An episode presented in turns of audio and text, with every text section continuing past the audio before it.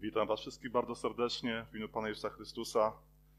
Cieszę się, że mogę Was zobaczyć, chociaż to widzę Was tylko garstkę. W większości to Wy mnie widzicie, nie ja Was. Jest ciężko, naprawdę powiem Wam, że ciężko jest w takiej sytuacji i bardzo mi tego brakuje, kiedy ta sala się wypełni. Bo wiecie co, tak myślę sobie nieraz, że my możemy, możemy umówić się, że będziemy wielbić naszego Boga tu i tam, i to wychodzi nam z lepszym lub gorszym, w moim przypadku, skutkiem. Możemy czytać Słowo Boże wspólnie tu i tam, ale jednej rzeczy nie możemy robić. Nie możemy praktykować y, społeczności jedni drugich w obecności naszego Boga. Nie możemy tego robić. A to jest coś, co chcemy robić całą wieczność później. Ja wiem, że tu na Ziemi nieraz to różnie jest w społeczności, bo jesteśmy różnymi ludźmi, jesteśmy, jesteśmy inni, każdy ma inny charakter, i wiecie, to jest piękne. To właśnie jest piękne, kiedy możemy się spotykać, możemy rozmawiać, kiedy możemy ścierać te charaktery, kiedy możemy wspólnie razem w obecności naszego Boga praktykować właśnie chrześcijańską społeczność, bo jesteśmy różnymi ludźmi, jesteśmy inni. I słuchajcie, dzisiaj właśnie chcę mówić o inności. Tematem mojego, mojej usługi, ja powiem tak, moja usługa będzie z gatunku tych trochę takich konfrontacyjnych. Więc y, jeżeli, wiecie, jesteście dostatecznie święci, doskonali, idealni, to nie jest dla was usługa, ale możecie posłuchać. Ale mówi do was człowiek, który z tymi problemami na co dzień się styka. I, I ja to mówię nie do kogoś, ale mówię głównie do siebie, bo to są moje problemy codzienne. Bycia chrześcijaninem, ale na co dzień ścierania się z różnymi problemami życiowymi, które, które powodują, że tak bardzo potrzebuje właśnie tego kontaktu z żywym Bogiem. Tak bardzo potrzebuje bliskości Jego. Chcę mówić o naszych pragnieniach. Chcę mówić o tym, że nasze pragnienia powinny być, my powinniśmy być w tych pragnieniach inni i nasze pragnienia powinny być inne niż, niż normalnie. Bo jeżeli patrzymy na cały świat, no to praktycznie wszystkie, wszystkie rzeczy, jakbyśmy tak dokładnie przeanalizowali, czy tam wynalazki, czy, czy sztuka, czy piękna poezja, to było dyktowane ludzkimi pragnieniami. Ludzie mieli jakieś pragnienia i czynili różne rzeczy z pragnień, z tych pobudek. Piękne rzeczy robili. Ale to jest druga strona. Powodowani pragnieniami, potrzebami, a czasami rządzami, ludzie czynili rzeczy złe, haniebne, których się jako ludzkość wstydzimy. I to wszystko było napędzane pragnieniami. Kto z Was zrobił jakąś rzecz, którą zrobił szybko i w momencie, kiedy zdał sobie sprawę, w jakim miejscu byłby, gdyby tej rzeczy nie zrobił, to po fakcie widzi, jaki jest koszt tego, co uczynił. Ja się w tym znajduję bardzo często. Że w momencie, kiedy zobaczę, gdzie bym się znalazł, gdybym tego nie zrobił, ale już zrobiłem. Tak łatwo jest iść przez życie powodowanym naszymi naturalnymi emocjami, naturalnymi odruchami, które pchają nas nieraz w miejsca, które jak już zrobimy, dopiero zdajemy sobie koszt tego, czego zrobiliśmy. Fragment Słowa Bożego, który jakby naprowadził mnie na to, to jest fragment z Ewangelii Świętego Łukasza, 16, 14 rozdział, przepraszam, 16-20 werset. I to jest często czytany y, fragment Słowa Bożego, gdzie y, Pan Jezus daje taki przykład, i to często jest czytane, kiedy mówimy o naszych wymówkach, kiedy mówimy o tym odrzuceniu zaproszenia. I znamy ten, ten fragment Słowa Bożego, kiedy Pan Jezus przyrównuje Boga do pewnego gospodarza, biznesmena, który organizuje przyjęcie, który organizuje ucztę. I ja myślę, że ci ludzie, którzy stali zaproszeni na tę ucztę, to byli wszyscy znajomi. To nie byli jacyś obcy ludzie. Skoro dostali zaproszenie, skoro to zaproszenie przyjęli, oni musieli się znać, oni musieli to zaproszenie przyjąć, oni musieli to zaakceptować. I co się dzieje dalej? Jezus mu powiedział, pewien człowiek przygotował wielkie przyjęcie, w związku z tym zaprosił wielu ludzi. Gdy wszystko było gotowe, posłał swego sługę, by powiadomił zaproszonych, możecie się już schodzić, stół zastawiony. Wtedy wszyscy po kolei zaczęli się wymawiać. Pierwszy powiedział, właśnie kupiłem pole i muszę dokonać oględzin. Przepraszam, lecz jak sam widzisz, nie mogę przyjść.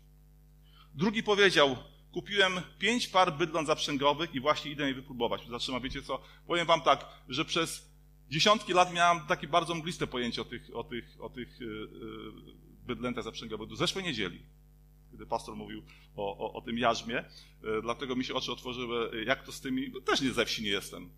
Yy, wiecie, w byki to widziałem gdzieś na, na filmie, raz u Marysi wujka widziałem żywego takiego byka, miał chyba 600 kilo, to zmieniło moje wyobrażenie o wszystkim. I nigdy nie wiedziałem, o co chodzi z tym wypróbowaniem tych bydląt. No, od zeszłej niedzieli wiem. I ten człowiek mówi tak, przepraszam, lecz jak sam widzisz, nie mogę przyjść. Kolejny powiedział, dopiero co się ożeniłem, dlatego nie przyjdę. Słuchajcie, co z tymi ludźmi było nie tak? Przecież oni nie chcieli żadnych złych rzeczy. Jeżeli popatrzymy się tak, tak trzeźwo, to każdy z nich miał uzasadniony, uzasadniony powód. To są normalne, życiowe rzeczy. Oni nie robili nic złego. Co tutaj było nie tak? Gdzie jest problem? Problem jest w tym, kiedy chcemy czegoś bardziej. Kiedy chcemy czegoś bardziej niż tego, co jest ważne. Tu jest ich problem. To byli normalni ludzie. To byli normalni ludzie. I do czego chciałbym Cię zmierzać? Że my powinniśmy zrozumieć, że nieraz musimy odejść od normalności. Od tego, co wydaje się takim naturalnym naszym ludzkim wyborem. No to jest normalne. Tak powinniśmy robić, bo tak robią wszyscy ludzie. Pan Bóg chce, abyśmy wybrali inną drogę, abyśmy byli oddzieleni, abyśmy w swoich decyzjach, w swoich emocjach czasami powiedzieli, zastanowię się, co jest ważniejsze. Chociaż to, co jest ważne, nie jest wcale złe. Ale są rzeczy ważne i ważniejsze w naszym życiu. Dlatego Pan Jezus w pewnym miejscu powiedział tą, tą słynną taką e, przypowieść, taką historię, którą porównał ludzkość do idących dwoma drogami. I mówi nam tak. W Ewangelii Mateusza w siódmym rozdziale mówi tak. Wchodźcie przez ciasną bramę. I tu jest zła wiadomość, gdyż przestronna jest brama i szeroka droga, ale ona prowadzi do zguby. Wielu jest takich, którzy ją znajdują, ją przez nią wchodzą. Natomiast jest drugi wybór. Jest ciasna brama i wąska droga. Jest dobra wiadomość teraz, że ta droga, ta brama prowadzi do życia wiecznego. Ale jest zła wiadomość. Niewielu ludzi ją znajduje. Niewiele ludzi ją znajduje. I ja przez jakieś tam ileś lat miałem takie bardzo uproszczone spojrzenie na to, że tą tą szeroką drogą to jadą sobie, wiecie, takimi luksusowymi Rolls Royce'ami, z cygaretami, tacy spasieni bogacze, oni tacy opływają w dostatki, a na tej wąskiej drogie takie chudzinki w pasiakach, tacy biedaczki idą, no nie, i to jest taki podział. Bardzo uproszczony, bardzo uproszczony podział. Ja nie mówię, coś w tym jest, bo Biblia nam w wielu miejscach mówi, że temu bogatemu trochę trudniej, bo jest bardziej przywiązany. Wiecie, skala bogactwa to jest skala bogactwa, zależy od naszej perspektywy. To jest zupełnie inny temat, nie chcę w niego wchodzić. Natomiast z biegiem czasu uzmysłowiłem sobie, że właśnie podział przebiega zupełnie inaczej. Po, podział polega i będzie na, na tych naszych właśnie pragnieniach, że tą szeroką drogą idą normalni ludzie. Idą normalni ludzie, którzy dokonują takich takich normalnych, spontanicznych, codziennych wyborów, nie zastanawiają się na czymś, a tą wąską drogą idą ludzie, którzy dokonują innych wyborów, dziwnych wyborów. Nieraz właśnie tu, mówimy, że Pan Jezus w swoim nauczaniu mówi rzeczy dziwne. Mówił rzeczy dziwne. No bo kiedy popatrzymy się na to, kiedy Pan Jezus mówi, że jeżeli ktoś się uderzy, jeden policzek nastaw mu drugi. To jest dziwne. Dla tamtych ludzi, tamtych czasów, kiedy było oko za oko, ząb za ząb, wiecie, no to to było już wtedy dziwne. Kiedy Pan Jezus mówił, że jeżeli ktoś się prawuje z tobą o szatę, oddaj mu dwie. To jest dziwne, bo ten świat nam mówi, że jeżeli Pan Jezus mówi, temu będzie dodane, kto odda to, co ma, no nie? A świat nam mówi, że zabierz jak najwięcej. Wtedy będziesz miał jak najwięcej. Zupełnie co innego. Pan Jezus mówi, że jeżeli ktoś się patrzy na drugą osobę z porządliwością, to lepiej, żeby sobie obciął rękę albo wydłubał oko. Strasznie dziwne. To jest strasznie dziwne. Słuchajcie, no, wchodzicie gdzieś do biura, patrzycie, siedzi gościu bez ręki z jednym okiem, no nie? Mówi chrześcijanin. No, to jest, wi wiadomo, że o co innego chodzi. No. Także nauka Pana Jezusa była dziwna. Była dziwna. Ale do takiej dziwności nas Pan Jezus wzywa. Co to jest normalność? Normalność my często obserwujemy na scenie. Patrzymy się, że o, temu się żyje wygodnie, temu się żyje dostatnio, o, tak bym chciał tak samo jak on. Natomiast tam za kurtyną często bezsenne noce, niepokój, rozwód, spory, yy, kłótnie, yy, wiecie, nielubienie się nawzajem. To jest normalność. To jest normalność. Ja nie chcę takiej normalności. Ja wolę być inny, wolę być dziwny w swoich pragnieniach. Wiecie, przez wiele lat swojego życia ja bardzo chciałem być normalny. Ja wiecie, wychowałem się yy, od dzieciństwa bez ojca i nie wiem, czy ktoś wie o co chodzi, ale będąc nastolatkiem, to jest się innym wtedy. Jest się innym. Ja bardzo chciałem być normalny. Ja, jak ktoś powiedział do mnie, że jestem yy, inny, dziwny, ja wchodziłem z domu wierzącego. Może nie zawsze zachowywałem się jak wierzący, ale już wtedy za mną szła ta łatka, że on jest inny. Oj, ja tego nie lubiałem. Mi się to nie podobało. To dla mnie była obraza. Bycie normalnym to było cool, to było w porządku, to było ok. Dopiero kiedy szczerze poznałem Pana Jezusa, mi te tendencje się odwróciły. Zrozumiałem, że trzeba być właśnie dziwnym, trzeba być innym. Normalność nie ma nic sobie dobrego. I wtedy właśnie, nie wiem, czy mieliście coś takiego, że ktoś wam powiedział, że jesteś normalny i tu dla ciebie była ujma. Nie wiem, czy takie coś znacie. Ja takich sytuacji miałem bardzo wiele, kiedy troszeczkę się w życiu zapędziłem. Pamiętam taką historię. Wiele lat temu kiedyś byłem u swojego kolegi tam w biznesie i przychodzę do niego do biura i on mówi, chodź, chodź, chodź, chodź coś, coś pokażę fajnego na komputerze. No ja przyszedłem, spojrzałem tam na ten komputer, no i zobaczyłem rzecz, którą jako mężczyzna nie powinienem oglądać. Tylko tyle wam powiem. I powiedziałem mu, on wiedział, kim ja jestem, mówi, słuchaj, wiesz, kim jestem, no nie, ja nie powinienem takie rzeczy patrzeć. To nie jest, to nie jest dla mnie. To nie jest dobre w ogóle. Wiecie, gdyby w tym momencie wylądował UFO w tym biurze, no to on by miał taką samą reakcję mniej więcej. Tak się patrzy na mnie. To jest dziwne strasznie. To jest strasznie dziwny. Mówi, no jesteś facet? To jest normalne. I wiecie, to było okej. Okay. Okej okay, się zachowałem. Ale dwa dni później jechaliśmy na jakąś yy, taką, taki obiadek biznesowy i wiecie, jak na parkingach zatłoczonych jest yy, podjeżdżaliśmy, szukaliśmy miejsca i tam gościu jakiś wyjeżdżał, na wstecznych światłach widziałem, że on się sofa, no to spokojnie stanąłem sobie, czekałem, że on wyjedzie. I jak on już wyjechał, to w tym momencie z drugiej strony podjechał szybko drugi gościu i próbował wjechać. Ja pojechałem tak, że ani on nie mógł wjechać, ani ja nie mogłem wjechać. No i ja tak, wiecie, takim pobożnym ruchem takim pokazałem mu, że ja tu czekam, chcę tu wjechać, no nie, takim międzynarodowym gestem. Wtedy on mi też międzynarodowym gestem pokazał, pokazał mi, Y, y, zasalutował mi, no nie? I po ruchach ust odczytałem, że coś mówi niedobrego mojej mamie. Y, wiecie, jak poparzony, znacie to powiedzenie, że człowiek jest tyle warty, ile jak torebka herbaty. Dopiero widać, ile jest warta, jak do gorącej wody go wsadzą. Wyskoczyłem z tego auta i musiałem groźnie wyglądać, bo ten facet wsteczny bieg i on uciekł z tego parkingu, no nie? I kiedy wracałem do auta, wiesz, tam bambatałem to sobie pod nosem, co zrobiłbym z tym palcem jego, no nie? A ci koledzy się śmieją. I mój Piotrek, jak miło widzieć, ty jesteś normalny facet. I to nie był komplement dla mnie. To nie był komplement. Ja wtedy zrozumiałem.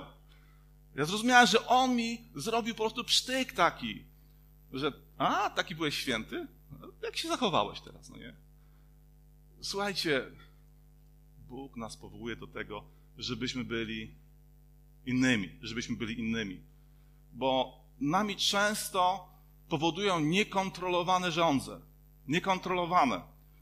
I my sami siebie, tak zapraszaliśmy w tej pieśni Ducha Świętego do naszego życia, bo my tak bardzo potrzebujemy, żeby ta kontrola była przejęta. Bo my sami siebie często uwalniamy te emocje, które nie powinny w nas być.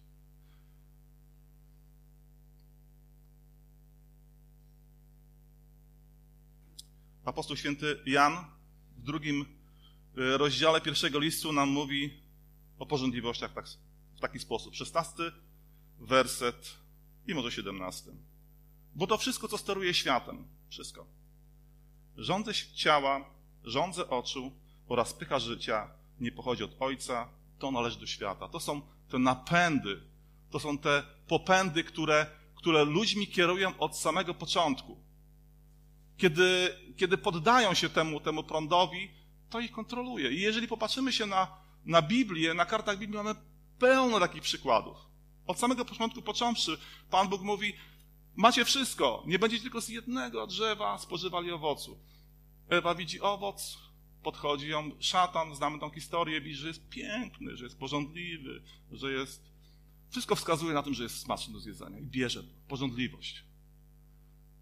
Czy mężowie Boży, widzimy Samsona, który 20 lat jest sędzią nad Izraelem po 20 latach, po tych wszystkich swoich przejściach, pisze po 20 latach, idzie do pewnego miasta, krok po kroku, bo tam na niego czeka Dalila i zguba, porządliwość. Mojżesz zabił tego, tego egipskiego kierowcę, bo mu zajechał drogę na parkingu. Nie wytrzymał. Dawid zobaczył y, żonę Uryjasza i mówi, przydałoby się mi trochę akcji, trochę inaczej. Wszystko kierują nami porządliwości.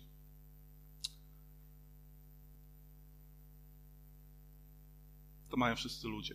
Jeżeli chcemy mieć takie życie, jak mają inni ludzie, róbmy to, co robią inni ludzie. Jeżeli chcemy mieć życie inne, lepsze, to róbmy to, co robi niewielu ludzi. Niewielu ludzi idzie po wąskiej drodze. Zobaczmy, co oni mają. Zobaczmy, jaki mają pokój. Zobaczmy, co im Bóg dał do serca. Jeżeli chcesz mieć to, co mają wszyscy, rób to, co mają wszyscy. Będziesz miał normalne życie. Normalne życie z problemami, z płaczem w poduszkę, z kłopotami. Ja nie mówię, że nasze życie jest wolne od tego, ale Pan Bóg daje nam rozwiązanie. Idź tam i dokonaj takich wyborów, jak dokonało niewielu ludzi. Chciałbym Ci przywołać dwa przykłady Starego Testamentu. Jeden przykład Starego Testamentu dotyczy, może inaczej, chciałbym powiedzieć o dwóch takich rodzajach naszych pragnień. Jeden rodzaj pragnień to jest chcę, czego chcę teraz, chcę tego natychmiast, a drugi przykład to jest taki, który mówi nam o tym, jak przez nasze pragnienia łatwo wymienić to, co jest ostateczne, na to, co jest tymczasowe. Bo my dzisiaj żyjemy w czasach takiej, wiecie, zawsze ludzie mieli te tendencje, ale dzisiaj szczególnie żyjemy w takich czasach natychmiastowej gratyfikacji. Ludzie, ludzie chcą mieć coś natychmiast, widzą coś i mają to natychmiast. I trudno jest nam od tego się uwolnić, bo jesteśmy otoczeni marketingiem, reklamami, które nam mówią, należy ci się to. Zasłużyłeś sobie na to. Podaruj sobie odrobinę luksusu. Możesz to wziąć za darmo przez pół roku, a tam drobnym druczkiem na dole pisze, zapłacisz za rok. Warunki RSO. I przepłacisz wszystko.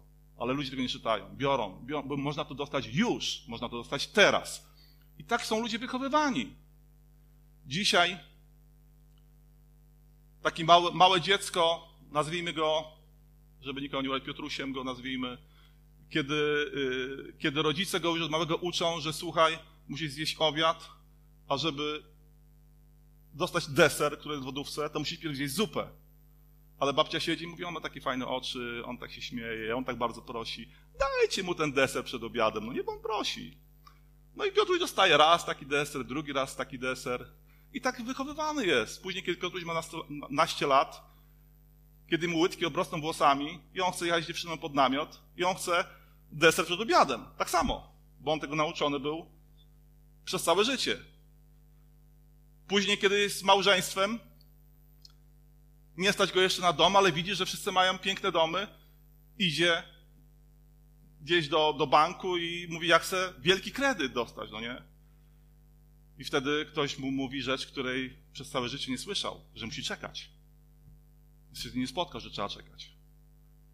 A w końcu kiedyś dostaje to i później w małżeństwie są kłótnie, są sprzeczki, bo przed wypłatą 25 już trzeba kupować konserwy dla kotów, bo nie stać, są problemy w małżeństwie. Tak jest, bo ludzie chcą teraz, chcą natychmiast. Jeżeli coś widzisz, to weź to teraz, nie czekaj, nie oglądaj się. Tak dzisiaj żyje ten świat. Gdybym mógł zadać jedno pytanie mężowi Bożemu, Jozuemu, może kiedyś być taka okazja w niebie, bardzo by mnie ciekawiło to, w jaki sposób on przekonał Izraelitów do tego, żeby przy pierwszym mieście, które zdobywali, przy pierwszym zdobytym mieście, przy Jerychu, że on ich zmobilizował do tego posłuszeństwa, że oni faktycznie te siedem dni chodzili wokół tego miasta. Bo my znamy wynik tego. My czytamy to w Biblii, wiemy, jak to się skończyło. Natomiast dla mnie to jest, wiecie, niepojętne, żeby nad taką grupą ludzi zapanować i oni w posłuszeństwie robili rzecz, która była nielogiczna. Która była nielogiczna. Bo ja rozumiem, pierwszy dzień chodzili wokół tego miasta, nic się nie działo, drugi dzień chodzili wokół tego miasta, nic się nie działo, trzeci dzień chodzili, wiecie, żeby, żeby jakaś cegła tam spadła, żeby pęknięcie na murze było. Nic nie jest zapisane, kompletnie nic się nie dzieje. Ja myślę, że gdyby to byli Polacy, tam by już powstały trzy frakcje. Jedni by chcieli budować drabiny, inni by chcieli podkop robić, yy, nie wiem, jakieś tarany robić, albo yy, kupą mości panowie, idziemy na miasto. A oni posłusznie postępowali tak. Wiemy, że było warto. Wiemy, że posłuszeństwo inaczej. Czy Pan Bóg nie mógł pierwszego dnia, żeby te mury Jericha upadły? Ja myślę, że tak. Że Bóg był, był mocem to zrobić, bo to była moc Boża. Ale te sześć dni chodzenia wokół tego miasta to był test posłuszeństwa. I to, że oni przechodzili to, zobaczyli później na końcu, że było warto. Byli posłuszni. Sześć dni robili to, co Bóg przykazał. Chodzili w milczeniu wokół y, miasta, tylko kapłani y, grali na trąbach. Siódmego dnia okrążyli kilka razy miasto i zawołali, mury upadły byli posłuszni. To jest wielki obraz dla nas, kiedy nieraz robimy jakąś rzecz, do której Bóg nas wzywa i nie widzimy efektu. Nie widzimy, chcemy się po trzecim dniu poddać już. Po iluś tam tygodniach modlić, a nic się nie dzieje, już odpuszczam sobie, idę dalej. To jest dla nas dobra nauka. Kiedy się modlisz za swoje dziecko, kiedy się modlisz o uzdrowienie, o cokolwiek. Przykład Jerycha dla mnie jest niesamowitym przykładem, ale to jest poza tematem. Słuchajcie, Pan Bóg, kiedy upadły mury Jerycha, miał tylko dwa wskazania do tych ludzi. Dwa wskazania. Jedno to było, żeby Rahab, nierządnica, została ocalona wraz z jej domem. I drugie, drugie przykazanie to było takie, aby wszystkie łupy zanieść do tabernakulum, do skarbu Bożego. I tak się stało. Mury upadły, Rahab Przetechnica została ocalona z rodziną. Wszystkie łupy zostały zniesione do obozu, do skarbu Bożego. Za jednym wyjątkiem. Jeden człowiek. Jeden człowiek i dla mnie to jest niesamowicie uderzające, że to był człowiek, który również sześć dni chodził wokół Jerycha. Widział niesamowite działanie, jak Boże posłuszeństwo działa.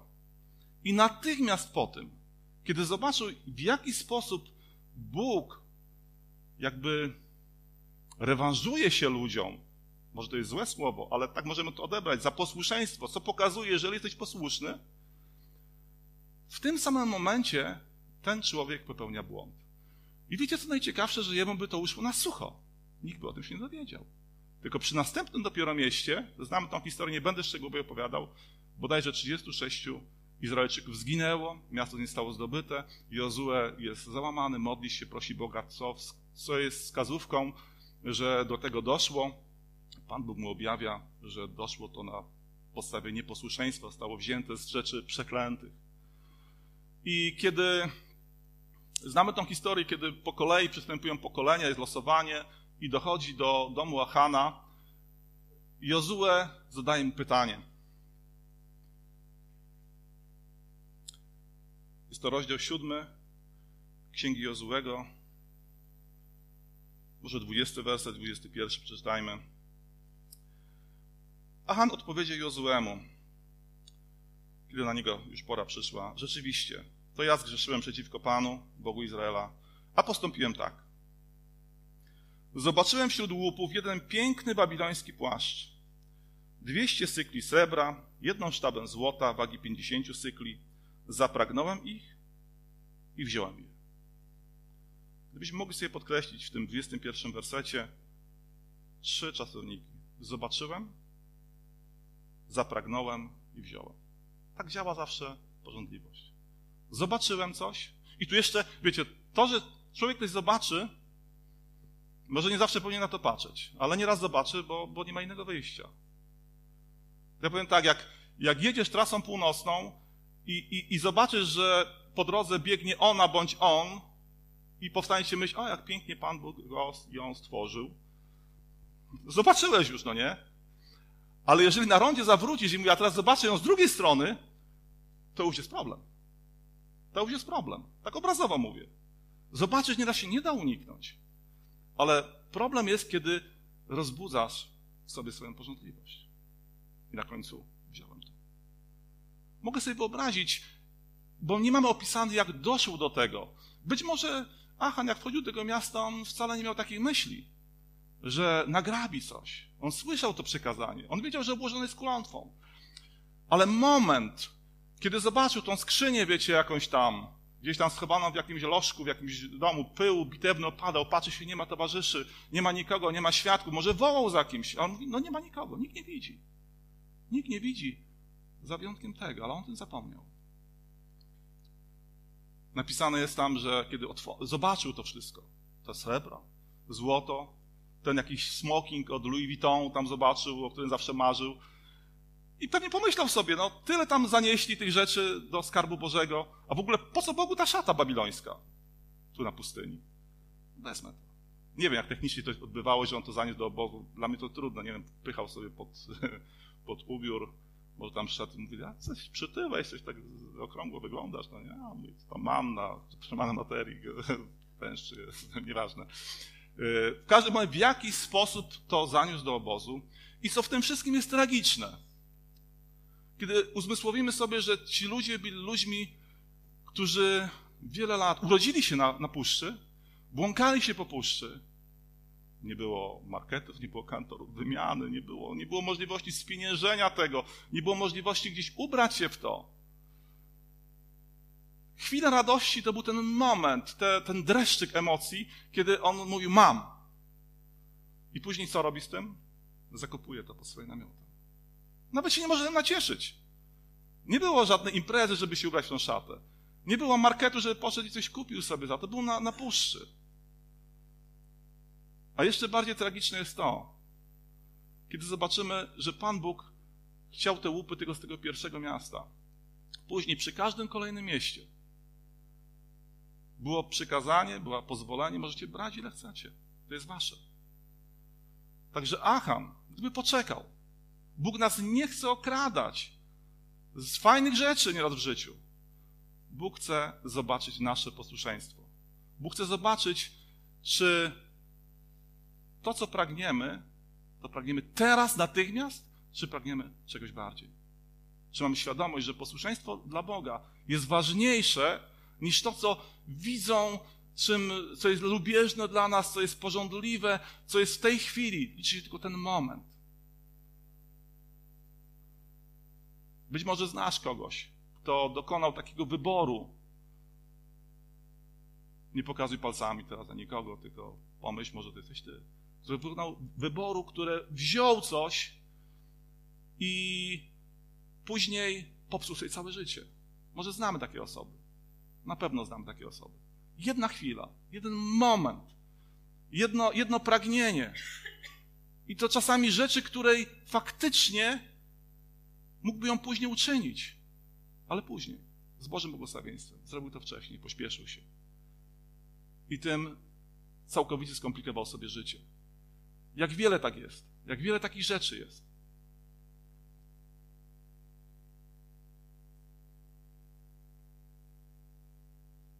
Koniec Zachana był smutny. Wiemy, że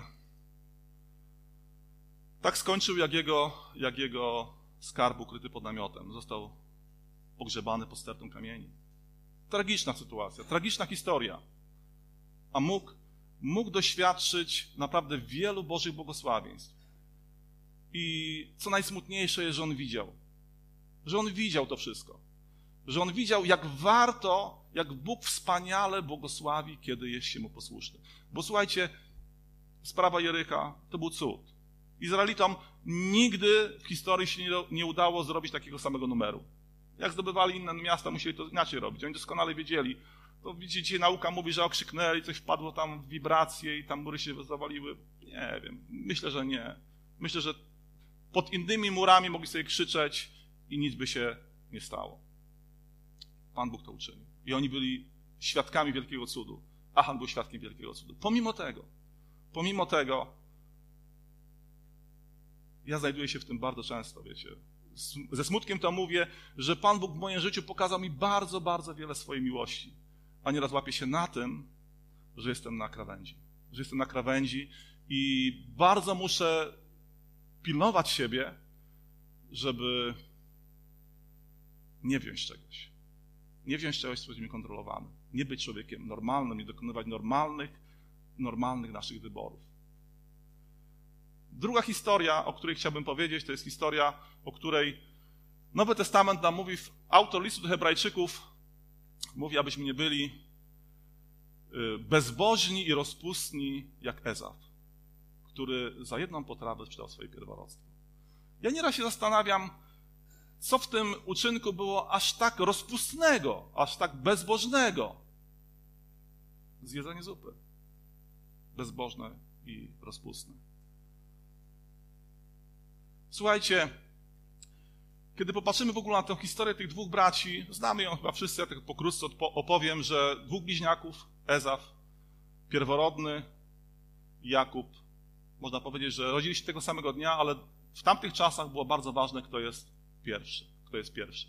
I to go czyniło, dawało mi niesamowity, y, niesamowity awans społeczny, niesamowite przywileje mu to dawało. I to nie było tak jak dzisiaj, wiecie, że może pierworodny dostanie tam większą świeczkę na torcie, czy jakiś medalik na urodziny od, od mamy, że jest pierworodny. Nie to. W tamtych czasach pierworodny syn dziedziczył podwójną ilość y, majątku po śmierci lidera ojca. Innymi słowy mówiąc, jeżeli było ich dwóch, to majątek dzielony na trzy części, dwie części brał pierworodny, jedną część dostawał ten drugi. Było co zazdrościć. Było co zazdrościć. Y, druga rzecz. Pierworodny syn stawał się automatycznie po śmierci ojca liderem, stawał się sędzią, starał się, stawał się tym, który rozstrzygał wszelkie spory. Był to niesamowity awans społeczny. Był głową całej rodziny. Dawało mu to władzę, dawało mu to dostojeństwo, dawało mu to powagę wśród innych ludzi. Jest trzeci aspekt, aspekt. W przypadku akurat rodziny Izaaka to było niesamowicie ważne. Pierworodny syn dziedziczył obietnicę. Dziedziczył to, co było obiecane Abrahamowi. Że w Twoim imieniu, w Twoim nasieniu będą błogosławione narody. To było proroctwo. I Ezaf to dostał za darmo. Dostał to z racji tego, że był pierwszy. Jakub mu bardzo zazdrościł. Było czego? Było czego? Nie chcę teraz się wgłębiać w historię Jakuba, bo jak wiemy, on nie był idealny. Jego, jego, jego droga, jego życie to jest wspaniały obraz przeobrażenia, szukania Boga.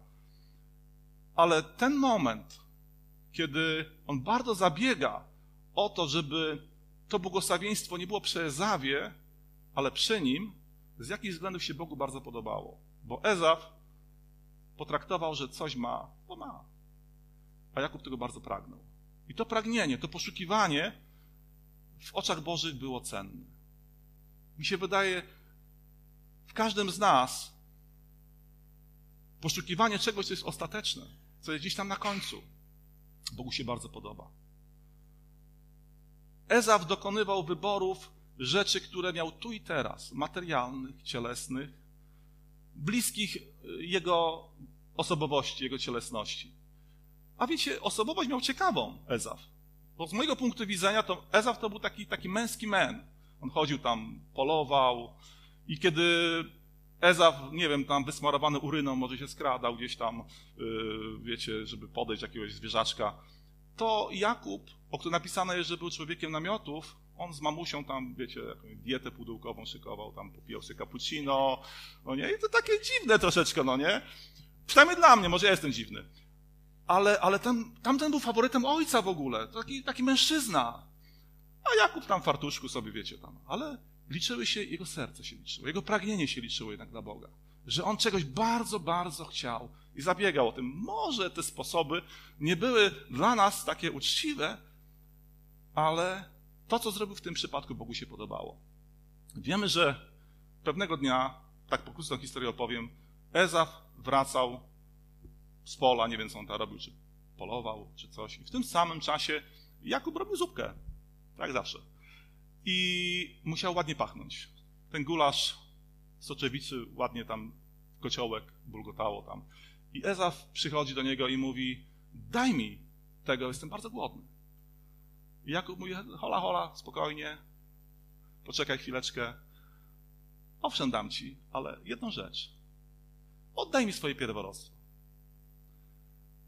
Wiecie co, no przed chwilą mówiłem, czym było pierworodstwo w tamtych czasach. To nie była jakaś tam sobie rzecz, to była wielka rzecz.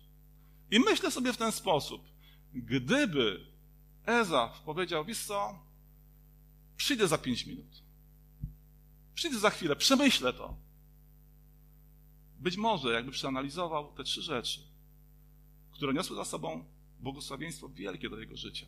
Kiedyby przyszedł z powrotem, powiedział, wiesz co, Jakub, śmieszny jesteś. Za, za ten gulasz ty chcesz, żebym to ci oddał w życiu. Nie ma szans. Ale Ezaf był inny. Ezaf był bardzo przyziemny. Ezaf mówi, co mi po moim pierworodstwie, kiedy ja umieram z głodu? Wiecie, niektórzy ludzie tak dosłownie to biorą, mówią faktycznie, no jakby za chwilę, za 5 minut, 10 minut umarł, no to co by było po pierworodstwie? Tylko wiecie co? To, że tam napisane jest, że umarłby z głodu, umierał z głodu, to jest napisane, żeby zobrazować, jak wielkie były jego pragnienia. To są takie pragnienia, o których my często mówimy nie tylko z głodu, że umieram z porządliwości, umieram z czegoś tam, bo chcę to bardzo mieć. Muszę to mieć. Teraz. Nie wiem, czy mieliście taką świdrującą myśl, którą budzicie z rana i cały czas wam to wraca. Ja do tego chcę. Ja do tego mnie ciągnie. Tak było w. On wcale z głodu nie umierał. To tak jak ja nieraz przyjeżdżam, wiecie, gdzieś tam robię w sobotę y, cały dzień na ogródku i wchodzę nagle do domu po południu i mówię do Marysi, umieram z głodu. Marysia do mnie mówi, to weź coś do jedzenia, no nie? A ja wtedy, jak każdy facet, otwieram lodówkę i mówię, w tym domu nie ma co jeść, no nie?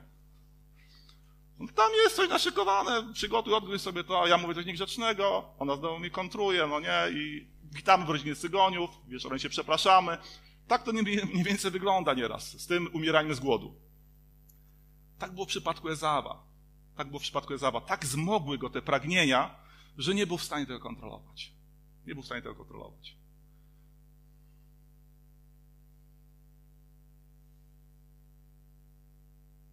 Księga Rodzaju, 25 rozdział, bo opowiadam, a e, pójdźmy może do tekstu. Nie będę całego czytał, bo już część powiedziałem, ale te kluczowe wersety 25 rozdziału chciałem przytoczyć. Może 33 werset i 34. Jakub nie ustępował. I mówi tak, najpierw mi przysięgnij. I Ezaf przysiągł. Sprzedał swoje pierworodstwo Jakubowi. Wtedy Jakub podał Ezawowi chleb oraz potrawę z soczewicy, ten zaś jadł i pił i wstał i poszedł. Tak pogardził Eza pierworodstwo. Słuchajcie, niesamowita rzecz. Byśmy dzisiaj powiedzieli, że za puszkę, puszkę fasoli z pudliszek sprzedał wszystko. No tak to wygląda. Tak to wygląda. Ten kociołek z tą parującą potrawą był dla niego tak ważny i ile się tym nacieszył.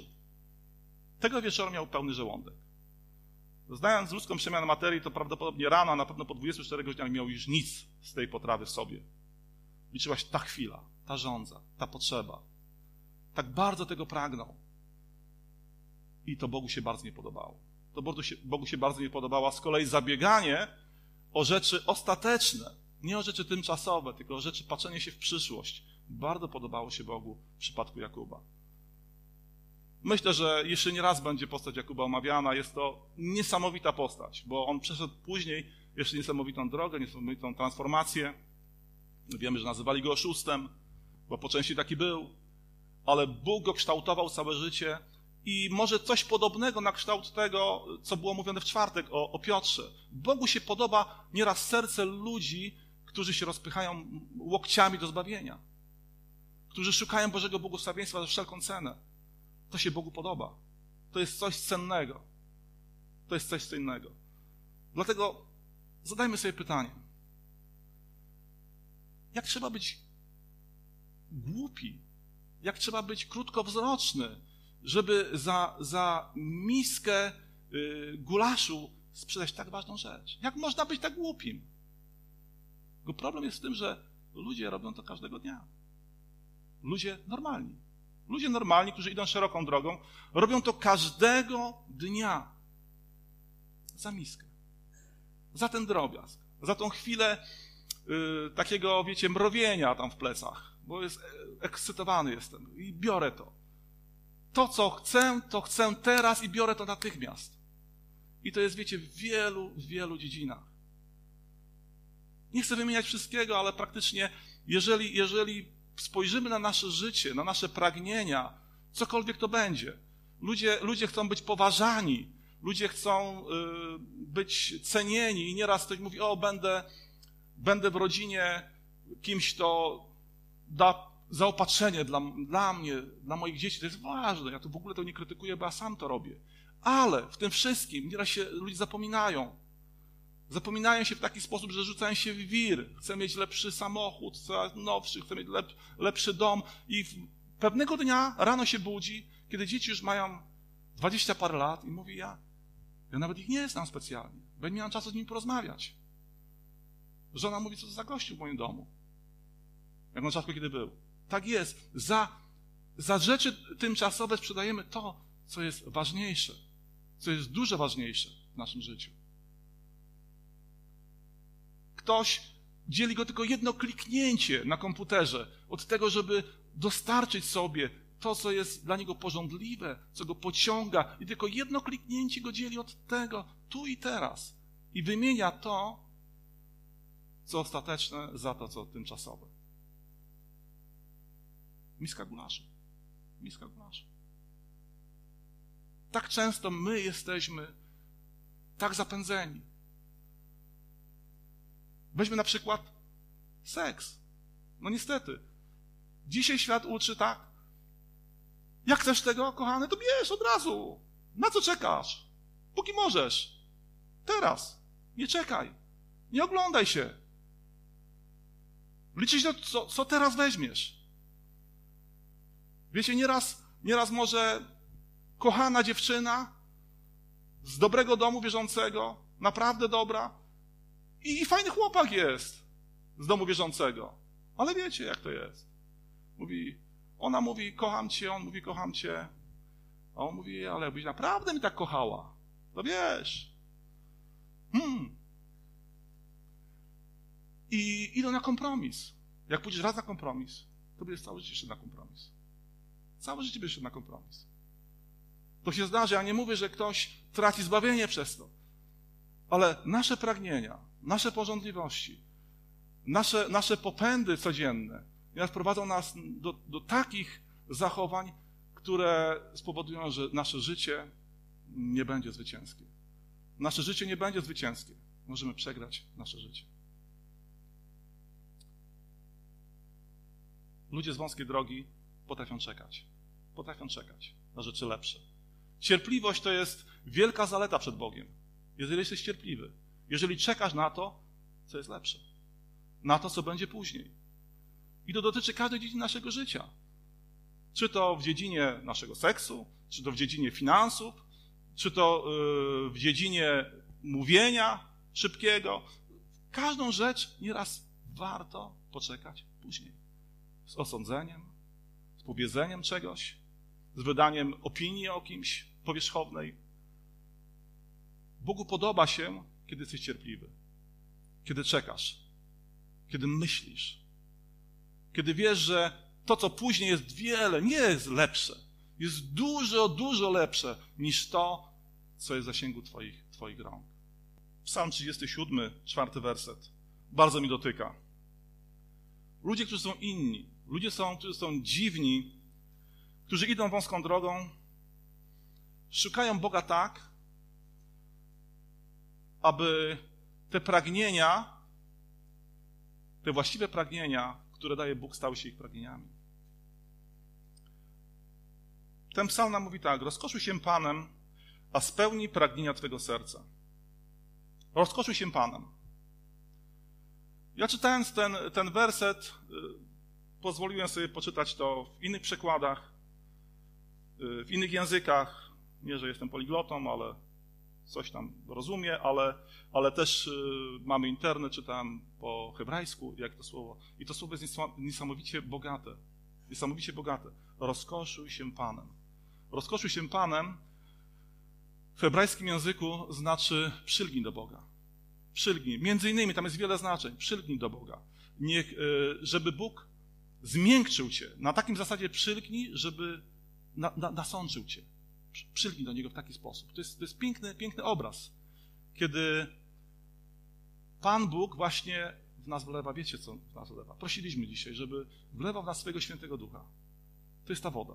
To jest coś, co zmiękcza naszą postawę przed Bogiem i kiedy my się poddajemy, bo my sami, sami z tego, jeżeli będziesz próbował walczyć swoimi porządliwościami, swoimi nałogami, sam własnymi siłami, to będziesz wieczorem dzisiaj bardzo silny, kiedy nasłucha się Słowa Bożego, rano będziesz już słaby. Musisz przylgnąć do Boga. Musisz przyjść do Niego swoimi potrzebami tak blisko. Tak blisko, aby On cię aż nasączył tym wszystkim.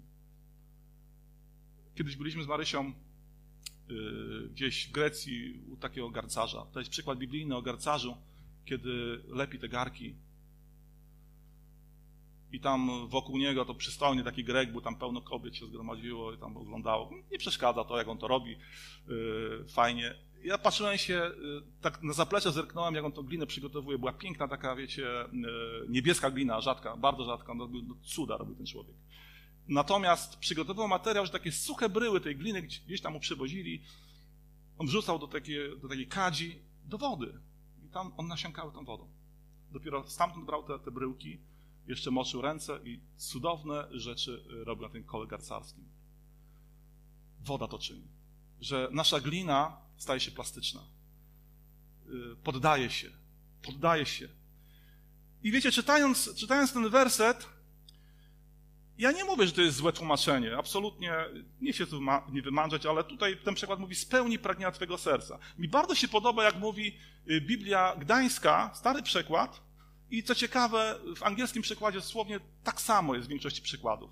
Mówi tak, że y, kochaj się w Bogu, a On da ci pragnienia Twojego serca.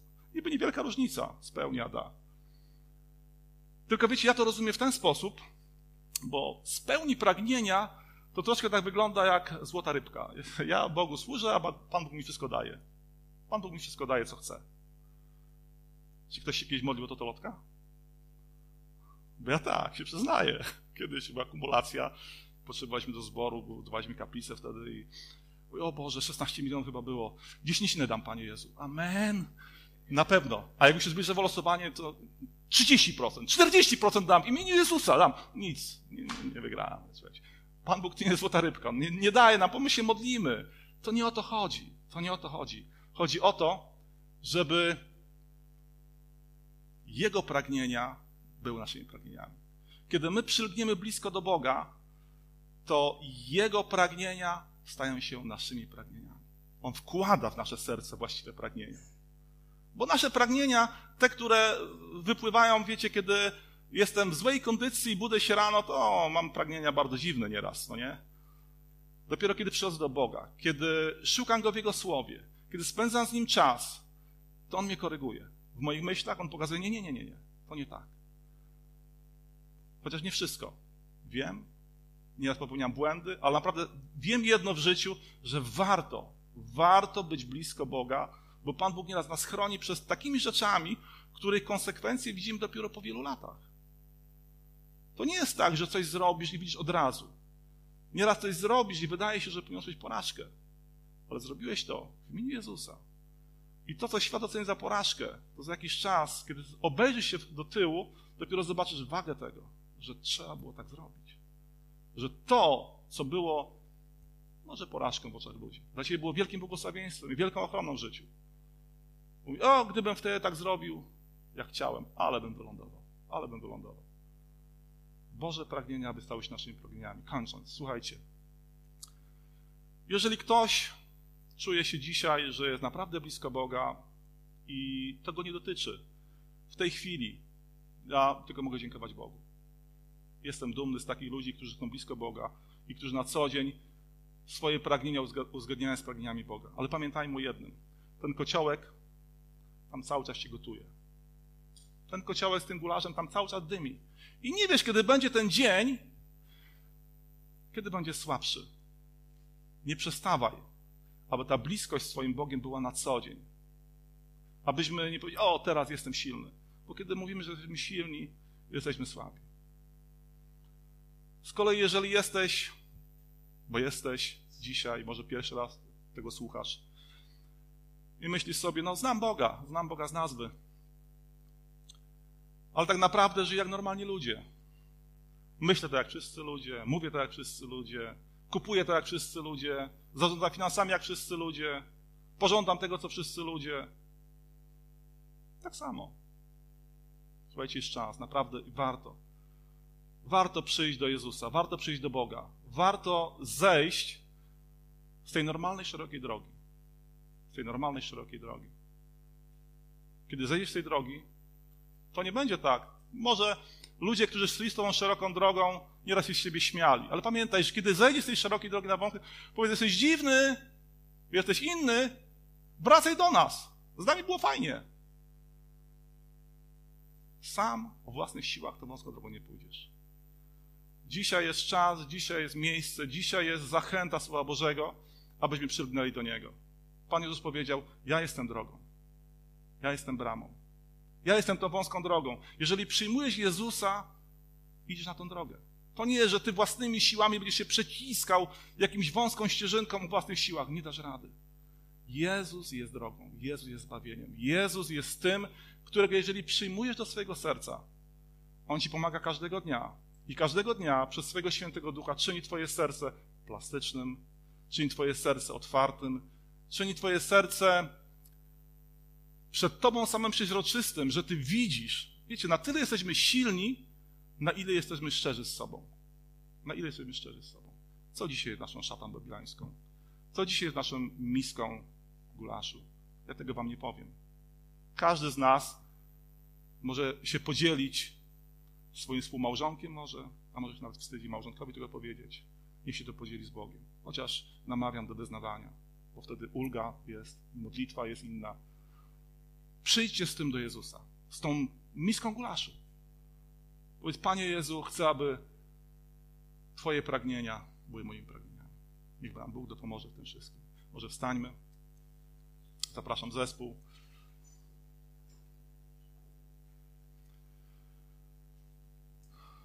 O Wszechmogący Panie, tak stoimy przed Twoim świętym obliczem i przed Twoim świętym obliczem jesteśmy transparentni. Ty widzisz nas. Ty widzisz że chcemy iść za Tobą, że chcemy słuchać Twojego głosu, że chcemy, abyś Ty nas pociągnął swą wielką miłością. Panie, wypełnij nasze serca swoim świętym duchem, aby Twoja woda dzisiaj spływała na nas, aby zmiękczała nasze serca, aby czyniła je podatnymi, abyśmy zapragnęli przyjść do Ciebie, ale abyśmy nie odeszli tacy sami, abyśmy odeszli zmienieni, aby Twoje pragnienia nas wypełniły, aby Twoje słowo nas zmieniało, abyśmy wiedli zwycięskie życie, inne życie, może dziwne życie, ale życie pełne radości w Tobie. Panie, bądź z nami, błogosław nas, wyposażaj nas, niech Twój święty duch zawładnie nami.